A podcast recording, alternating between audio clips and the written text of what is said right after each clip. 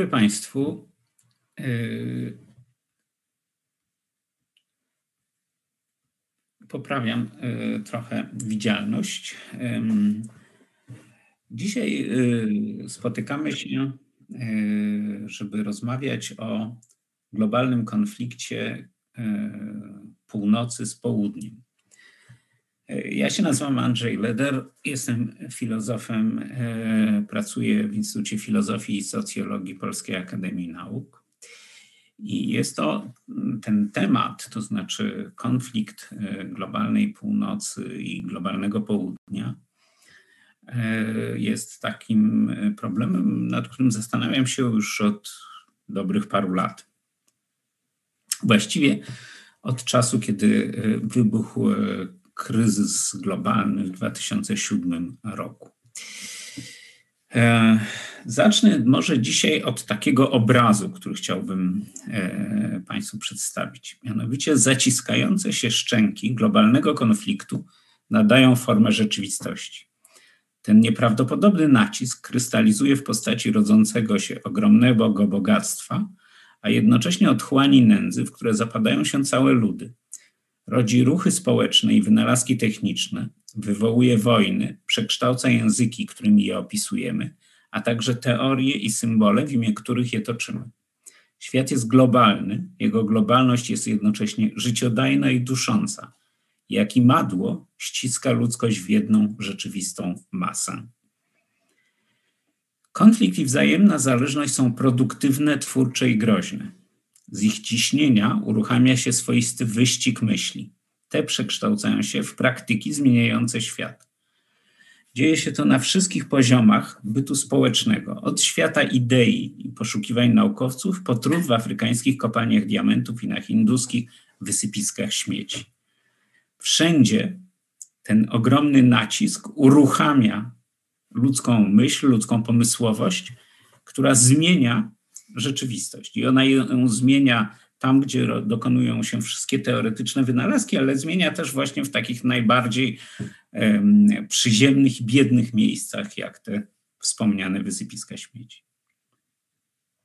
Przez dwa stulecia, mniej więcej od końca XVIII wieku, fundamentalny dla nas konflikt rozgrywał się w obrębie krajów globalnej północy, wówczas zwanej Zachodem. Zwykle wszyscy jesteśmy przyzwyczajeni do tego, że mówimy o Zachodzie. Ale dzisiaj ważniejsze jest e, nie zachód-wschód tego rodzaju ukierunkowanie, tylko właśnie północ-południe. Ten konflikt, który ukształtował się na, e, na północy, ukształtował się jako konflikt właścicieli i pracujących.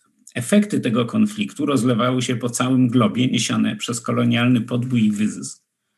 Ale jego sedno, to miejsce, gdzie szczęki i madła zaciskały się najpotężniej, tkwiło na północy i zmiażdżonej społecznej materii wyciskały zmiany. Dziś konflikt globalny umiejscowiony jest gdzie indziej. Najważniejszą przyczyną innego niż dawniej umiejscowienia owego konfliktu jest wyprowadzenie ogromnej części pracy produkcyjnej z obszaru dawnego Zachodu i zlokalizowanie jej poza nim. I ta teza organizuje mój wywód. Jest ona w opozycji do przekonania, że współczesna gospodarka jest oparta na pracy nieprodukcyjnej. Znamienną i nową cechą tej sytuacji jest to, że ogromne części ludzkiej rzeczywistości, strony globalnego napięcia, tego całego sporu i uzależnienia, są dla siebie wzajemnie niewidoczne, zamazane. Albo inaczej, widzą się wzajemnie za pomocą fałszywych klicz ukry, ukrywających realne zależności. Europejczycy widzą Afrykę przez pryzmat medialnych obrazów głodów i wojny, a więc rozpaczonych czarnych oczu matek dźwigających niemowlęta, które są podobne szkieletom, albo widzą dla, je dla odmiany, yy, mówię o Afryce, yy, przez pryzmat turystycznych folderów all inclusive, obiecujących białozębne uśmiechy potulnej służby w nadmorskich resortach. Chińczycy postrzegają Europę jako swoisty, nobliwy skansen, w którym posługuje, produkuje się torebki Gucci i Dolce Gabbana. Dla Amerykanina muzułmanin się wysadza. Dla muzułmanina Amerykanin jest krzyżowcem i Żydem. pandemia raczej pogłębia i zmniejsza to, pogłębia to zniekształcenie spojrzenia i skraca jego zasięg. Ogromne części ludzkiej rzeczywistości zostają więc dla siebie niedostrzegalne. I właśnie ową niemożność widzenia innych nazywam kwestią reprezentacji, to znaczy tego, na ile nasze środki postrzegania reprezentują innych. Otóż jak bardzo strony globalnego uzależnienia wzajemnie by się nie określały, jak bardzo ich interesy i potrzeby nie byłyby ze sobą splecione w morderczym konflikcie i jednocześnie życiodajnym przepływie, właściwie nie mają obrazu siebie. Nie są dla siebie obecne. Jedni nie zajmują istotnego miejsca w imaginariach, czyli takich światach wyobraźni innych, a mianowicie tych społeczności, wobec których są odległe. No to dramatyczne konsekwencje nie tylko dlatego, że realne zależności nie są postrzegane i brane pod uwagę, ale że w ich miejsce rozpleniają się gąszcze hipotez, teorii, wyobrażeń całkowicie nierealnych. Wyrastając z podglebia tradycyjnych fantazmatów, czyli takich tradycyjnych konstrukcji fantastycznych, które rządzą wyobraźnią społeczną, owocują teoriami spiskowymi i miejskimi legendami przyciętymi do miary współczesnej infosfery, czyli sfery informacyjnej. Mówię tutaj o wszystkich fake newsowych teoriach, memach, o koncepcjach różnego rodzaju, które właśnie wypełniają ten brak e, kontaktu z realnością. Postaram się e, pokazać, że niedostrzegalność to główna, choć nieoczywista przyczyna dominacji języka ekonomii jako podstawowego medium wzajemnego reprezentowania. To znaczy, mamy taką sytuację, że zamiast jakiejś ludzkiej e, wyobraźni, ludzkich relacji, które by były zrozumiałe dla nas w języku i, i przedstawione w języku naturalnym, świat reprezentowany jest najbardziej przez język ekonomiczny. Język ekonomii stał się medium wzajemnego reprezentowania społeczności od siebie oddalonych i niedostrzegających się, a jednocześnie głęboko od siebie zależnych. Dlatego właśnie globalne uzależnienie i konflikt, wyzysk i wykluczenie nie mają twarzy. Wyrażają się przez symbole i wskaźniki anonimowych wpływów gospodarczych, ostatecznie reprezentowanych i dających się odczytać w strumieniach liczb. Wzajemna zależność i ściśle związane z nią sprzeczności, strumień bogactwa i spychanie w przepaść, kolonialny gwałt, to znaczy dług dziejów odbierający przyszłość i półperyferyjne próby dostosowania, takie jak nasze. Wszystko to jest uśredniane, kondensowane i sprowadzane do niewielu znaków, schematycznych klisz. Takich jak na przykład pojęcie ekonomiczne rynków wschodzących, które kondensuje Polskę z Chinami, Chile i Arabią Saudyjską. Znaki czytelne w języku ekonomii są zbyt abstrakcyjne dla masowej wyobraźni, jako znaczące nie decydują o rzeczywistych pragnieniach społeczeństw i ich praktycznych działaniach. O tych decydują tradycyjne imaginaria zamknięte w granicach dawnych wyobrażeń. Zwykle są to dziedzictwa przeszłych doświadczeń.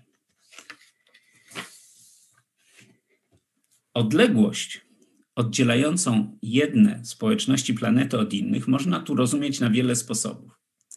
Na niewidzialność fizyczną określoną przez odległość geograficzną, na obcość nieznanej innym historii i nieprzepowiedzianej pamięci, nakłada się niedostrzegalność etyczna, związana z brakiem poczucia wspólnego losu.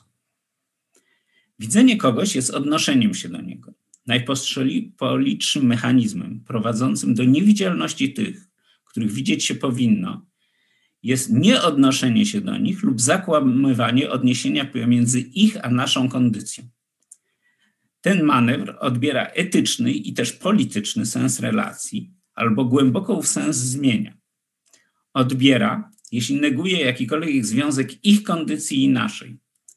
Głęboko zmienia, jeśli na przykład odwraca relacje kata i ofiary.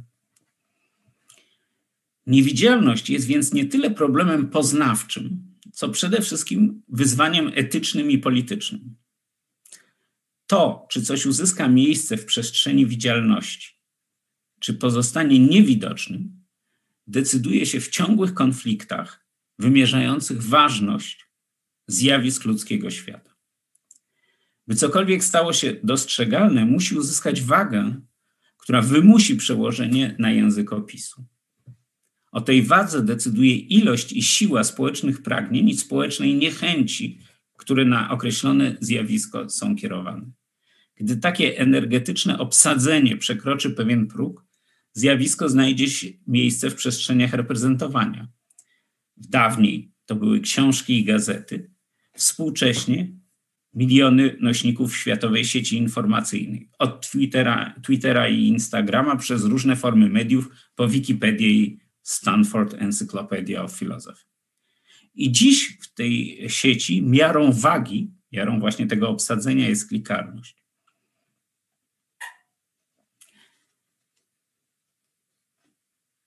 Niereprezentowanie pewnych fundamentalnych konfliktów i relacji między społecznościami globalnego świata, pomijanie ich politycznego i etycznego sensu jest więc cechą języka opisu osadzonego w takim, a nie innym imaginarium i posługującego się takim, a nie innym językiem. Dotyczy to większości porządków językowych, dyskursywnych, którym dziś się posługujemy.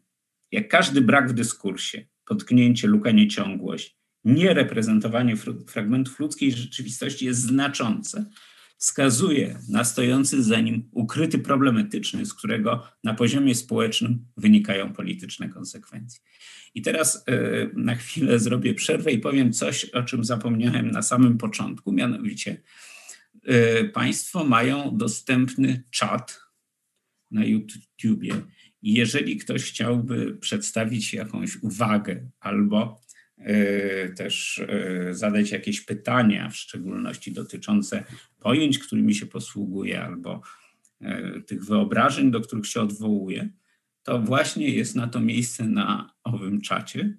I kiedy będę kończył, bardzo chętnie do nich się odniosę.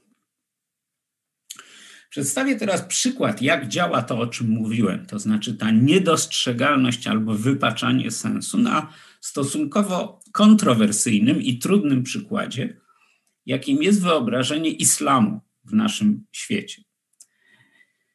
Otóż nędza i cierpienie ludów islamu, rozdzieranych w ciągu ostatnich dziesięcioleci przez mordercze wojny, ukrywane są przez tradycyjne imaginarium chrześcijańskiej Europy, którym tkwi niechęć i negatywna ocena muzułmanów. Zaś działania radykalnych islamskich ruchów fundamentalistycznych prowadzone w sojuszu z reakcyjnymi islamskimi reżimami. Wszystkie owe zamachy, porwania, morderstwa, opresja kobiet podsycają złe uczucia, żywiąc je okrutnymi obrazami i opowieściami. Kondycja świata islamu nie jest w żaden sposób wiązana w naszej wyobraźni z tym, jak bardzo tania jest energia, czy to energia z ropy naftowej, czy uranu, na przykład z Afryki Środkowej. Energia będąca fundamentem naszego dobrobytu i paradygmatu nieograniczonej konsumpcji, czyli tego paradygmatu nieograniczonego wzrostu, który rządził rozwojem e, globalnej północy czy zachodu przez ostatnie kilkadziesiąt lat. A to właśnie stosunek ceny energii do ceny zboża dotyczy setek milionów mieszkańców planetarnego islamskiego półksiężyca a także podobnej liczby mieszkańców globalnej północy, a w gruncie rzeczy wszystkich mieszkańców Ziemi.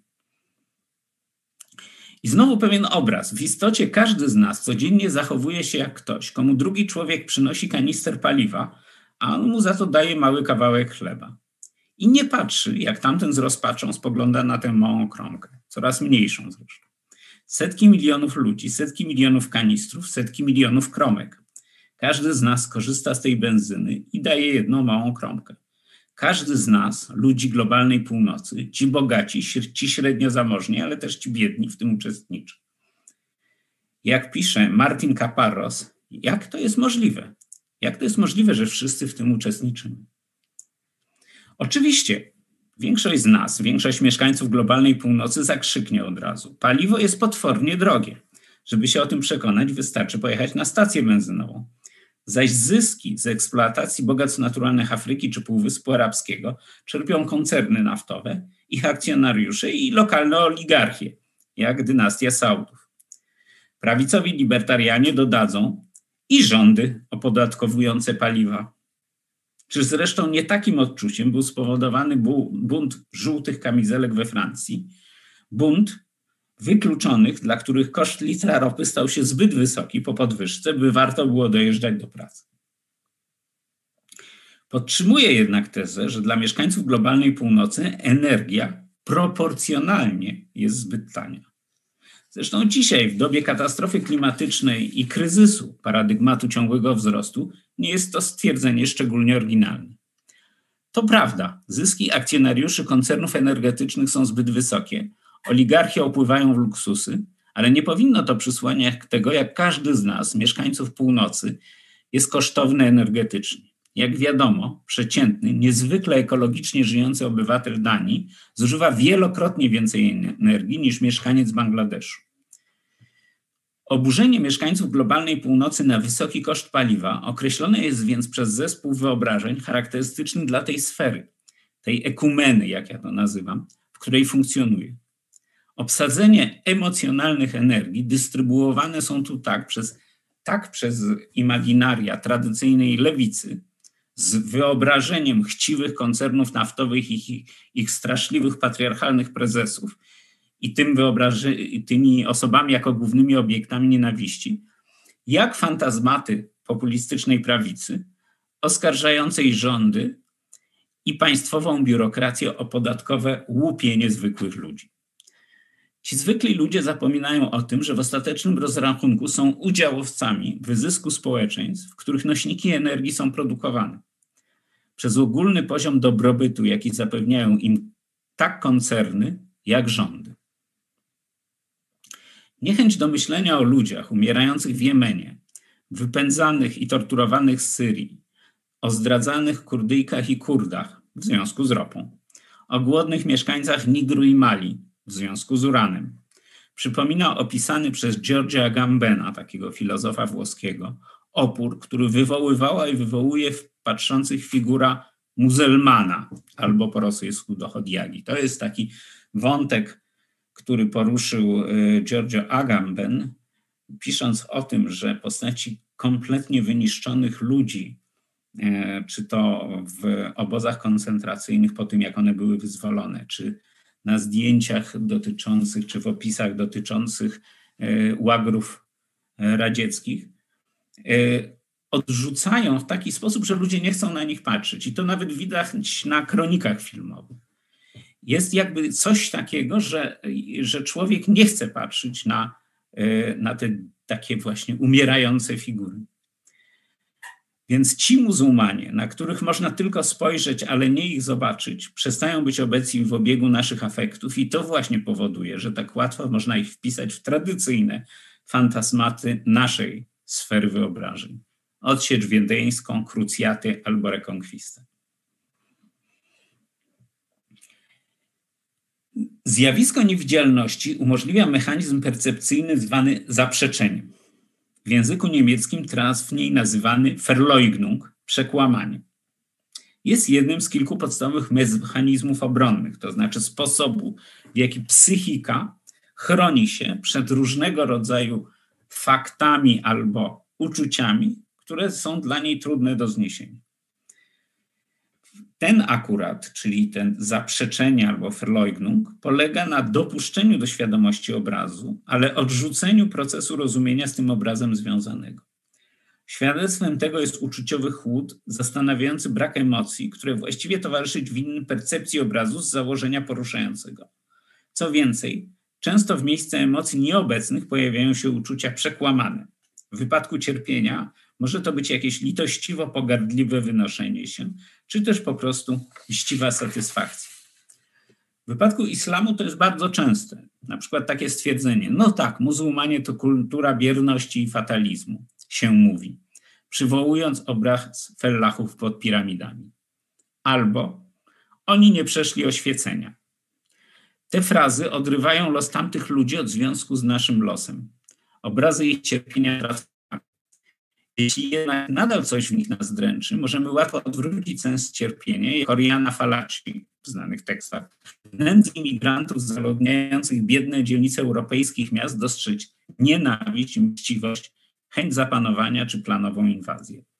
Wtedy obsady naszych afektów popłyną tak, że to oni staną się oprawcami, my zaś ofiarami. I od razu powiem, nie to, żeby wśród muzułmanów nie było wielu snujących mściwe fantazje na temat dżihadu, mordowania niewiernych i półksiężyca nad kościołami. Co więcej, są całe grupy, duchowi i polityczni przywódcy, jak dynastia Saudów tu wspomniana, i bojowe organizacje, jak Al-Kaida, Boko Haram czy ISIS, te fantazje głoszące i realizujące. Na swój sposób prowadzą wojnę z dominacją Zachodu czy globalnej północy. Nie to jest jednak sednem relacji miliarda wyznawców islamu z miliardem ludzi zamieszkujących globalną północ. Jeszcze raz, to sedno wyraża się, wyraża się w cenach żywności, uranu i ropy naftowej. Dotyczy ono każdego i każdej z jednego i drugiego miliarda. Ale paradoksalnie opis tej właśnie relacji, a jej, jej reprezentacja przynależy do języka ekonomii, całym polem symboli, symbolicznym i okrojoną ramą etyczną, a więc zdolnością widzenia, który on, ten język, niesie.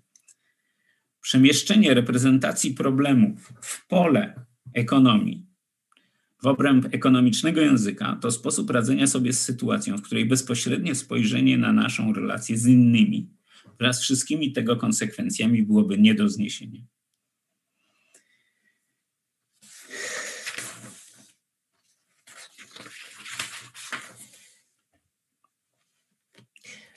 Dlaczego twierdzę, że owa przejrzystość rzeczy i w związku z tym kwestia reprezentacji jest niezwykle istotną cechą odróżniającą dzisiejszy świat od tego sprzed drugiej fali globalizacji, czyli mniej więcej z połowy XX wieku. Powojenne dekady pokoju, do lat 70. mniej więcej, były na Zachodzie okresem szczególnym. Przestrzeń produkcji poza autarkicznym imperium ZSRR była w dużym stopniu ograniczona do Zachodu. Najważniejszy konflikt społeczny był wykrystalizowany w obrębie jednej przestrzeni politycznej. Więcej że tego konfliktu właściciele i pracujący byli zlokalizowani w jednej przestrzeni reprezentacji, w jednym imaginarium, czyli y, w przestrzeni wyobrażeń, i mogli być w nim stosunkowo adekwatnie opisywani. Wreszcie, na skutek doświadczeń II wojny, powszechny był lęk przed bezpośrednim konfliktem. Konflikt nie zamieniał się w szaleństwo wojny, ale uzyskiwał reprezentację polityczną w obrębie instytucji zapośredniczających, które rozprowadzając jego energię, czyli energię konfliktu, generowały projekty zmiany społecznej. Dekady te opierały się na tym, że w społecznym imaginarium były reprezentowane pewne rzeczywiste siły i podmioty zbiorowe tworzące pole społecznego bytu i konfliktu. Robotnicy, klasa średnia, ruchy kobiece, burżuazja, lumpen proletariat, chłopi, a nieco później przedstawiciele mniejszości etnicznych, religijnych, płciowych i innych. Mniej więcej wiadomo było, jakie są interesy różnych grup, która partia je reprezentuje, o co idzie spór. Można było ten spór nazwać i opisać. Podmioty polityczne definiowały swoją tożsamość przez głównego antagonista. Ruch robotniczy widział tego antagonistę w burżuazji i jej politycznej reprezentacji. Partie mieszczańskie w ruchach rewolucyjnych, ruchy feministyczne w patriarchacie. Istniały więc wielkie partie socjaldemokratyczne, chadeckie, konserwatywne, związki zawodowe, pracodawcy, a także promoskiewscy komuniści, lewica alternatywna, ruchy kobiece, sytuacjoniści, zwolennicy akcji bezpośredniej, byli też prawicowi radykałowie, partie chłopskie i wszyscy oni odnosili się z aprobatą lub niechętnie do tego samego systemu instytucjonalnego, parlamentaryzmu i używali słów i pojęć powszechnie zrozumiałych, by wyrazić swoje postulaty i nadzieje, a także rozczarowanie, gniew i urazę. Istniały bowiem też wspólne języki pozwalające uzależnionym od siebie i skonfliktowanym stronom wspólnie nazywać punkty sporne, przecinające się przestrzenie doświadczeń i horyzonty oczekiwań. Oczywiście o te języki toczono zacięte walki polityczne i istniały też zawsze grupy ludzi i ludzkie potrzeby pozbawione głosu, ale ostatecznie chodziło raczej o przesunięcia w obrębie wspólnego świata znaczeń oraz o poszerzenie zakresu spraw nazywanych niż szczególną niezdolność imaginariów do reprezentowania. Skala tak wyłanianych podmiotów zbiorowych odpowiadała skali oceny sceny politycznej, czyli skala podmiotów zbiorowych odpowiadała skali całej sceny politycznej zamkniętej w obrębie państwa narodowego. Również skala zjawisk ekonomicznych miała być trzymana w ryzach, właśnie w ryzach państwa narodowego. I w gruncie rzeczy system Bretton Woods, czyli ten system, który powstał po II wojnie światowej i opierał się na parytecie złota, czyli na tym, że ilość pieniędzy miała odpowiadać ilości złota. W dużym stopniu po to został stworzony w 1948 roku. Ta współmierność, podobna siła i skala podmiotów i zjawisk ekonomii politycznej gwarantowała rzeczywistą sprawczość. Negocjacje pławcowe wówczas yy, mogły doprowadzić do kompromisu, który dawał satysfakcję związkowcom i nie naruszał stopy zysku przemysłu. Dziś negocjacje pomiędzy polskimi górnikami a polskim rządem zawieszone są we mgle. Ani górnicy, ani reprezentacja polityczna polskiego społeczeństwa nie mają większego wpływu na wydarzenia, które nadchodzą i podmioty, które na nie rzeczywiście wpływają na te wydarzenia. Nie są nawet wobec nich reprezentowani. Użycie te w takim kontekście słowo reprezentacja ujawnia swoje podwójne znaczenie. Z jednej strony opisuje one, bo, ono bowiem widzialność, zdolność nazywania realnych relacji i bytów przez dominujące języki, dyskursy czy narracje i powoływania tych zjawisk w ten sposób do istnienia. Reprezentowane zaczynają też oddziaływać na inne podmioty i na zjawiska, wpływają na relacje, w ten sposób realnie zaczynają uczestniczyć we wspólnocie losu. Odpowiednie dać rzeczy słowo, cytuję Norwida, przez krótki czas, nigdy w pełni, w obrębie Zachodu ten postulat spełniał się. Relacje, podmioty i konflikty mogły być w miarę adekwatnie opisywane, umożliwiały orientację i zajmowanie pozycji w społecznej przestrzeni. Dziś zajmowanie takiej pozycji jest bardzo trudne. To, co ważne, przestało być widzialne. Przypomina ruch we mgle, w, w której kłębią się cienie płaskoziemców i reptilian. To nawiązuje do znanych teorii spiskowych. Nie mogąc nazwać relacji z innymi, tak wrogami jak sojusznikami, rozpływającymi się w nieuchwytnej kakafonii świata, spontanicznie szuka się prostszych strategii pozycjonowania się, najczęściej tożsamościowych, to znaczy opartych na ciągłych utwierdzaniu się w byciu sobą. Inaczej mówiąc, społeczne pozycje relacyjne, polegające na relacji z kimś innym, zastępowane są przez tożsamościowe, to znaczy polegające na utwierdzaniu swojej tożsamości. Można powiedzieć, że relacja z innym zastępowana jest przez relację z samym sobą. Zanim się to jednak stało, wspólne języki pozwalały na konstytuowanie się podmiotów bytu społecznego we wspólnej przestrzeni znaczeń. To zaś pozwalało na urzeczywistnianie się drugiego, ściśle politycznego sensu słowa reprezentacja. Podmioty te mogły się w miarę adekwatnie reprezentować. E, te podmioty te mogły w miarę adekwatnie reprezentować swoje realne interesy, potrzeby i pozycje we wspólnie zbudowanych instytucjach reprezentowania związanych z demokracją. Z jednej strony był to ciąg urządzeń reprezentowania politycznego, od wspólnot terytorialnych i rad pracowniczych, przez partie polityczne, związki zawodowe, ruchy i organizacje społeczne, po instytucje samorządowe i parlamentarne. Z drugiej instytuty, y, instrumenty reprezentowania wyobraźni, infosfera od czasopism przebiegających całe spektrum poglądów, przez radio, telewizję i nowoczesne media, umożliwiające stały przepływ obrazów i znaczeń. Wszystko to pracowało na utrzymanie poczucia dotyczącego co najmniej dużych grup obywateli, że identyfikują się z tym całym systemem reprezentacji, praktykami i urządzeniami jego i że mają na nie wpływ. Niezależnie od tego, że powoli ten wpływ traciły.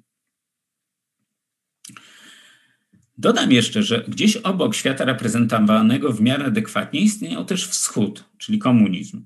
Półperyferyjny obszar Europy Wschodniej, dawnego Imperium Rosyjskiego i Chin.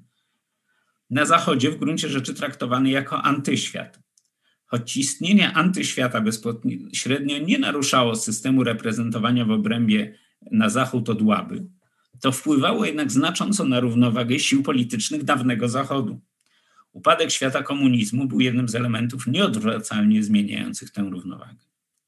I warto może zaznaczyć, że wywodzimy się z tamtego drugiego świata, który dziś już nie istnieje, zjedzony przez pierwszy. Jednak perspektywa tamtego spojrzenia nadal tkwi w naszym oku, dlatego może spoglądamy na dawny Zachód trochę z boku, z ukosa.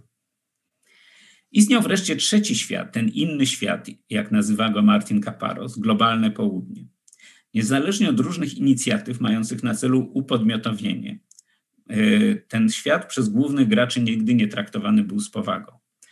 Przedmiot neokolonialnej penetracji był widziany przez obrazy i narracje przefiltrowane przez warstwy orientalistycznego myślenia, kształtującego imaginarium Zachodu.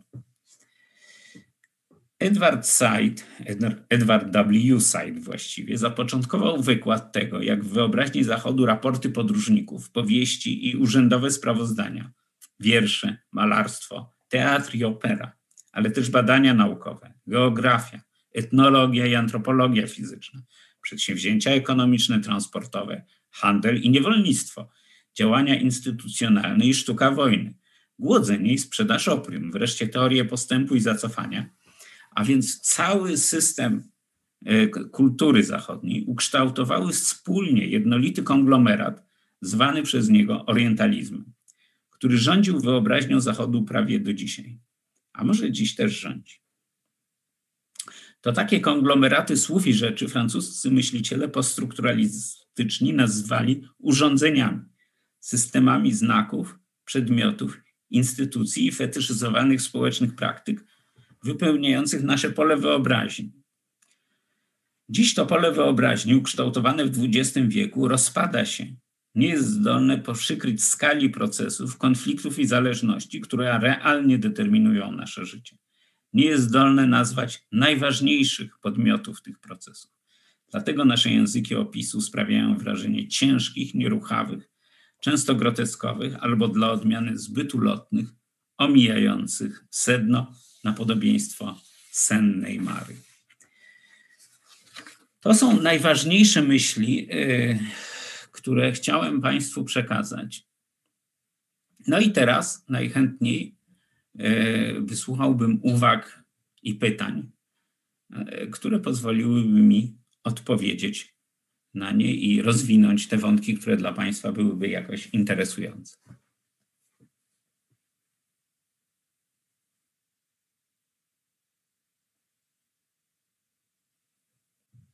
Ale w jakim sensie od siebie? To znaczy e, bez pytań. Mhm. Dobrze.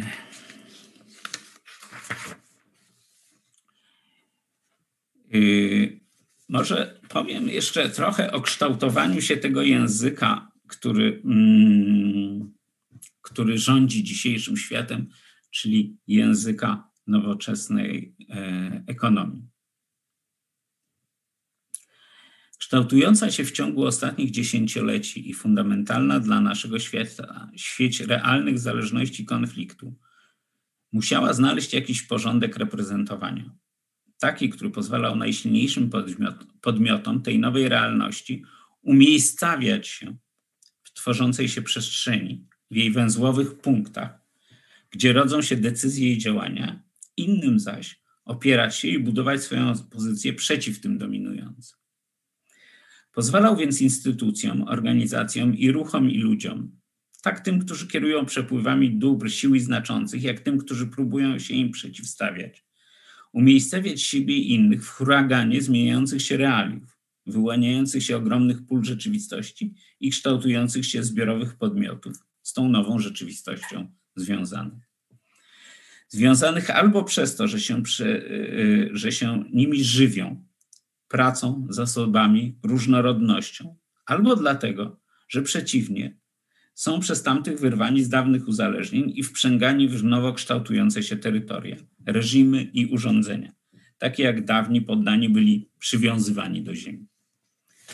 Przez sekwencję konfliktów i kryzysów od lat 70. XX stulecia po dzień dzisiejszy ten reżim kształtował się, kierował ruchem przepływu, wręcz generował Za systemem komunikowania się kroczył krok w krok no, yy, yy, system prawny, rama i kościec imaginarny. Więc to, co chcę powiedzieć, to to, że od lat 70. zaczął się kształtować system, który tak naprawdę odzwierciedla to, y, jak funkcjonuje, y, funkcjonują najważniejsze przepływy w dzisiejszym świecie. I za nim szedł pewnego rodzaju porządek prawny, który to, ten, y, te przepływy regulował. Ten system prawny określający kierunki, reguły i ciążenie nowej rzeczywistości. Czasem zresztą wyprzedzając, że system prawny y, wyprzedzał rzeczywiste przepływy. Ten system prawny wężał i sztywniał w postaci umów międzynarodowych, traktatów i dyrektyw, zaczynając od konsensusu waszyngtońskiego, który pojawił się w latach 80., po kolejne rundy GATT w, w 2000 roku, ostatnim roku dawnego tysiąclecia, dwaj te, teoretycy e, społeczni, Hart i Negri, nazwali ten system imperium. Znaczy współczesny system międzynarodowych traktatów, e, e, praktyk, zaleceń i instytucji, który w sumie tworzy rzeczywistą władzę współczesnego świata.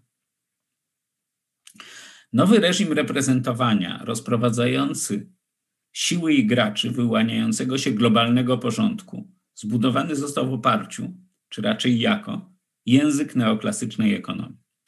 Wiele cech tego języka predestynuje go do tej roli. Dwie z tych cech wymagają jednak uchwycenia, e, e, dwie z tych cech wymagają uchwycenia już teraz. E, nowy reżim reprezentowania z jednej strony musiał odzwierciedlać siły, ich przepływy i konfiguracje, z drugiej musiał uciekać od tradycyjnych imaginariów. Konieczność takiej ucieczki wiązała się i nadal wiąże z tym, że tradycyjne wyobrażenia, systemy wyobrażeń, takie jak powiedzmy naród niemiecki, świat zachodu czy Orient, zmieniły zakorzenienie w realnych stosunkach ekonomicznych i społecznych podmiotów i tych, wobec których te podmioty istnieją. Utraciły więc zakorzenienie w fundamentalnych relacjach etycznych i politycznych. Nowy reżim reprezentowania musiał przecież e, porządkować wyłaniające się ogromne, realne pola rzeczywistości. I ten, y, te głębokie przemieszczenia w realiach y, świadczą o tym, że w polu symbolicznym, czyli w tym polu reprezentowania, w polu wyobrażeń, przebiegają procesy chaotyczne. Jak na razie jest tylko jeden język, który, choć się chwieje, wychodzi z tych wstrząsów obronnie. Jest to właśnie język globalnej ekonomii. Możemy tu znaleźć takie porównanie do zupełnie innej epoki, której e, zdarzyło się coś podobnego. Podobnie jak kiedyś łacina we wczesnym średniowieczu, w powstającym świecie barbarzyńskiej Europy, używam określenia e, profesora Karola Modzylewskiego, dziś język ekonomii łączy sumę peryferii składających się na współczesny świat.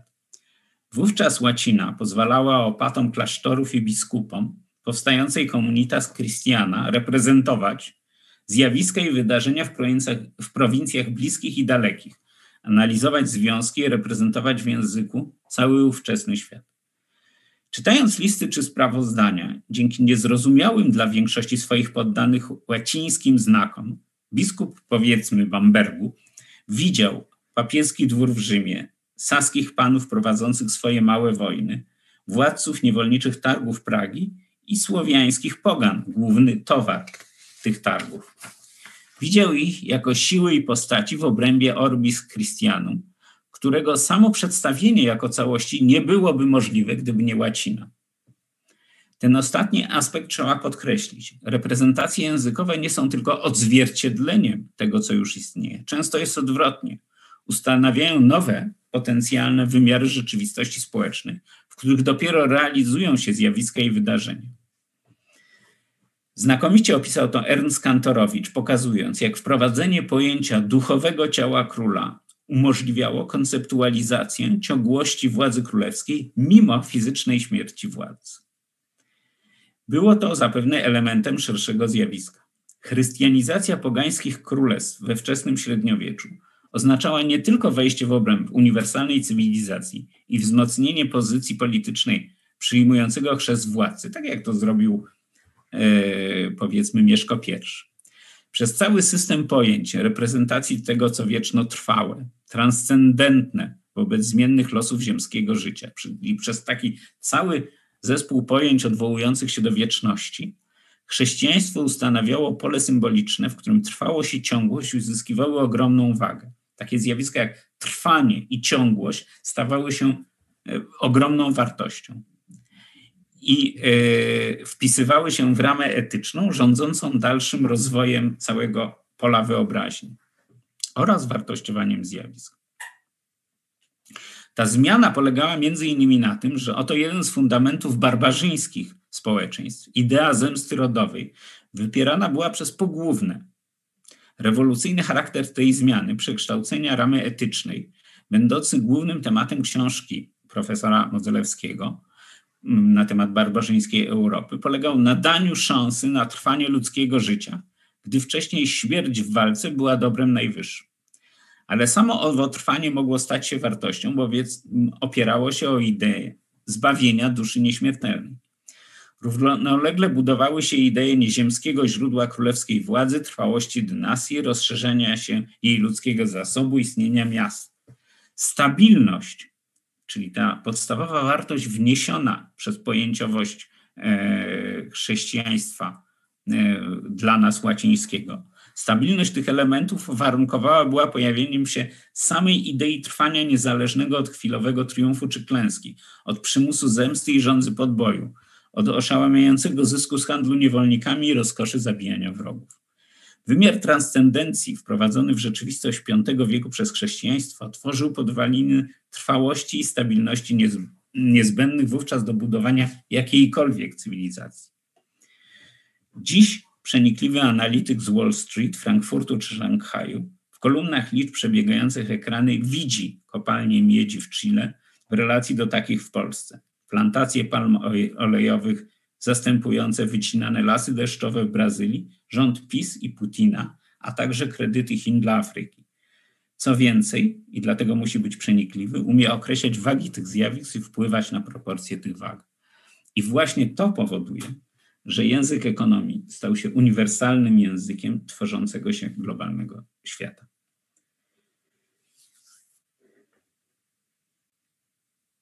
No to właśnie zakończyłem ten dodatkowy fragment i w związku z tym czekałbym na e, pytania, komentarze.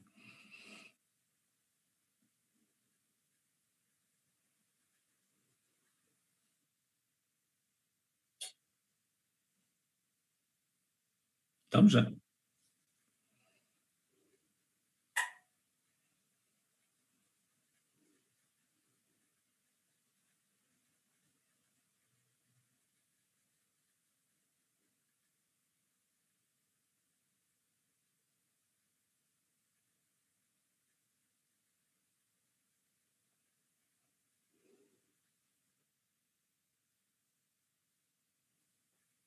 Rozumiem. Miło mi. Szkoda tylko, że nikt nie, o nic nie pyta.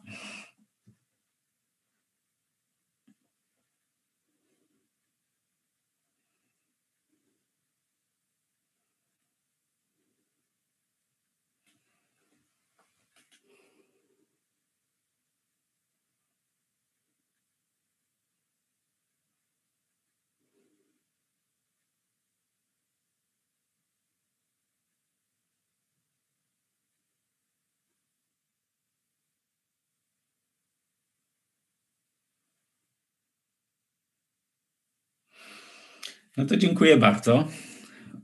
Pozdrawiam Państwa. Trudno było mi mówić do pustego ekranu, no, na którym widziałem tylko siebie i Pana, ale yy, mam nadzieję, że da się niedługo wrócić do prawdziwych sal wykładowych. Do widzenia.